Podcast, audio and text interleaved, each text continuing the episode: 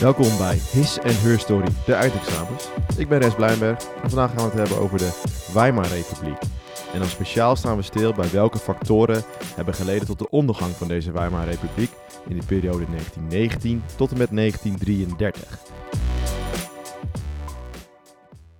Oké, zoals jullie van ons gewend zijn, gaan we eerst even stilstaan bij de twee jaartallen die centraal staan. Dat zijn 1919 en 1933.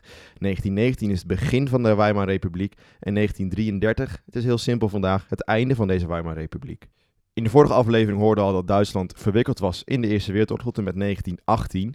En deze oorlog had een enorme invloed op Duitsland en dan vooral eigenlijk op het politieke beleid.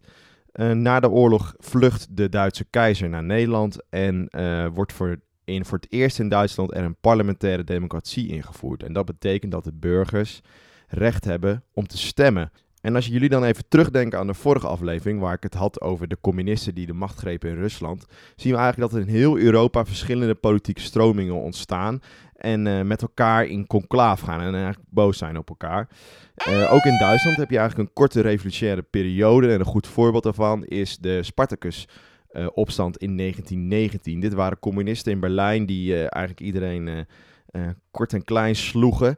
En uiteindelijk door de politie en de soldaten tot halt werden geroepen. Maar na deze korte, roerige periode ontstaat de Weimar-republiek. En deze republiek heet, heet naar Weimar omdat het in Berlijn door die opstand, de Spartacus-opstand, veel te onrustig was. En eigenlijk dus het, het ontstaan is in het kleine dorpje Weimar. Nou, op 11 augustus 1919 wordt dan de eerste grondwet ingevoerd, of de eerste nieuwe grondwet van de Weimarrepubliek. Dat was eigenlijk best wel progressief. Ook vrouwen hadden passief en actief stemrecht al in die tijd, dus moet je nagaan. Maar uh, de Weimarrepubliek was niet populair. En dat kwam vooral um, dat, de, dat er eigenlijk nog een hele grote conservatieve elite was in Duitsland. Dus denk maar aan de edelen van, of de adelen van vroeger. Uh, die eigenlijk dit systeem helemaal niks vonden. Er waren, zoals ik net al zei, heel veel communisten, maar ook extreemrechtse groepen die ook een einde wilden hebben aan deze Weimar-republiek. Vooral omdat deze uh, zo hard in de pan waren gehakt tijdens die Spartacus-revolutie.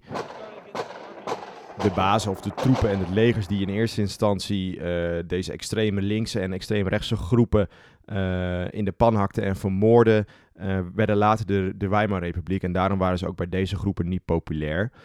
Maar de belangrijkste reden dat de Weimar-republiek in Duitsland niet populair was, uh, was het verdrag van Versailles. Dit, is een, dit waren de vredesonderhandelingen die gesloten zijn in 1919 tussen Duitsland en de andere landen die in oorlog waren tijdens de Eerste Wereldoorlog.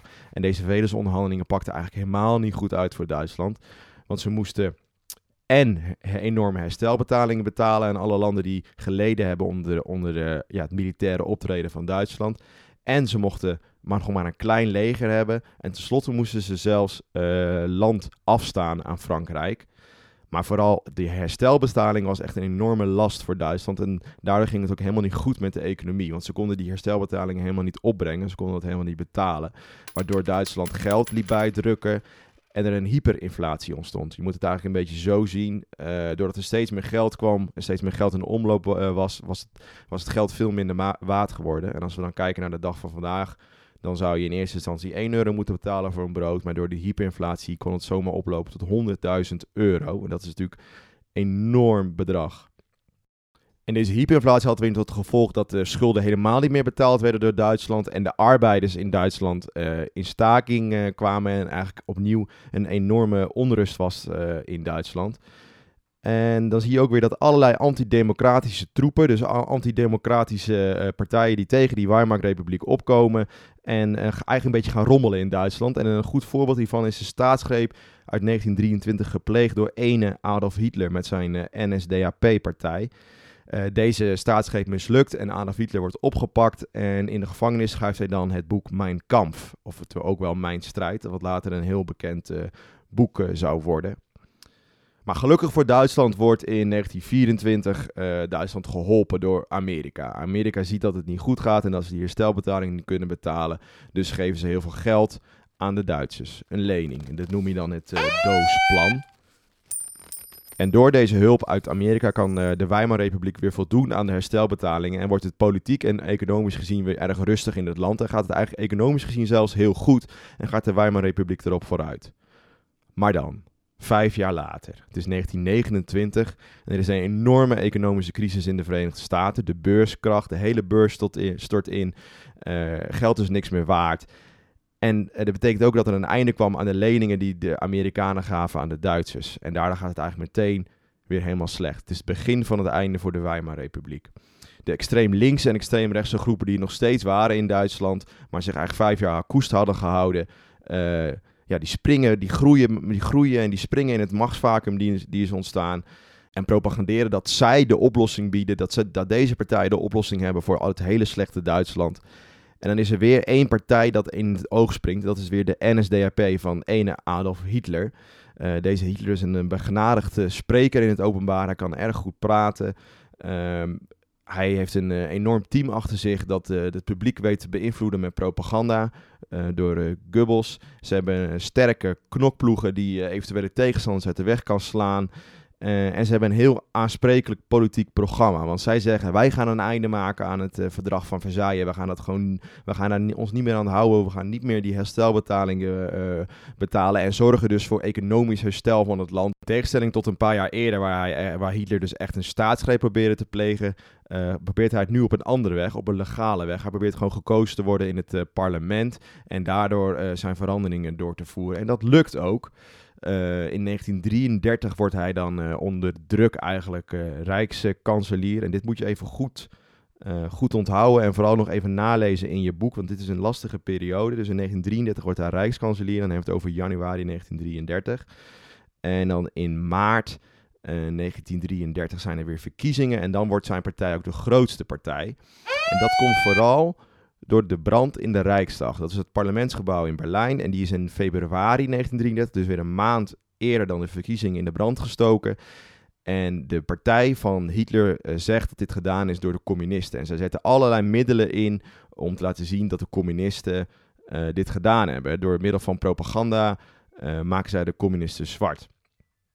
En doordat Hitler in januari 1933 tot rijkskanselier is gekozen, uh, gebruikt hij deze brand in de Rijksdag om een soort van noodsituatie uit te roepen. Een vordering. En daardoor die noodsituatie kan hij allerlei, uh, heeft hij allerlei taken toegeëigend, waaronder de beperking uh, van de media en de persvrijheid. En ook kan hij zomaar mensen arresteren. En hij arresteert allerlei communistische politici. Waardoor deze communistische politici ook niet meer kunnen meebeslissen in de Rijksdag, in de Tweede Kamer van Duitsland, omdat ze gevangen zitten. En dan gaan we weer terug, of weer vooruit eigenlijk in de tijd naar maart 1933, wanneer de verkiezingen zijn. De partij van Hitler is de grootste partij geworden. En het eerste wat Hitler doet, is een machtigingswet invoeren. En met deze wet probeert hij alle macht uh, ja, zich toe te eigenen. En zet hij de Rijksdag, dus de Tweede Kamer van, uh, van Duitsland, buitenspel. En doordat de tegenstanders van Hitler in de gevangenis zitten en dus niet kunnen meebeslissen, komt deze wet doorheen. En daarmee maakt hij een einde aan de parlementaire democratie in Duitsland en ook een einde aan de Weimarrepubliek. En waar het einde van de Weimarrepubliek uiteindelijk uh, toe heeft geleid, dat uh, weten jullie misschien allemaal wel. En dat komt ook nog weer terug in de volgende aflevering, mocht je nu echt denken van, hè, waar heeft Rens het nou weer over? Maar voordat we uh, aan de volgende aflevering beginnen, is misschien nog even goed om stil te staan bij de belangrijkste punten uit deze aflevering. En dat is het begin van de Weimarrepubliek in 1919, naar een revolutionaire periode waarin verschillende politieke stromingen strijden om de macht.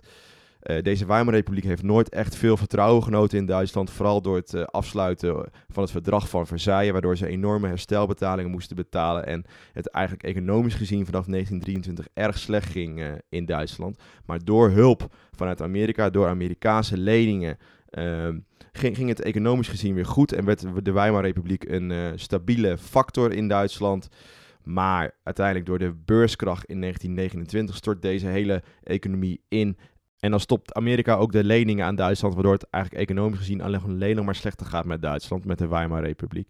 En er zijn in deze Weimarrepubliek verschillende partijen, politieke partijen, die zeggen dat ze een oplossing hebben, waaronder de NSDAP van uh, Hitler. En deze partij zou uiteindelijk door het slim bespelen van het publiek, door propaganda aan de macht komen en uh, gebruik te maken van de Rijksdagbrand.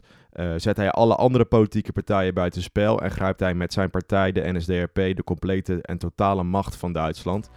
En is, komt er dan echt een einde aan de Weimarrepubliek en aan de parlementaire democratie in Duitsland. En waar dat toe uh, leidt, dat hoor je in de volgende aflevering. Oké, doei!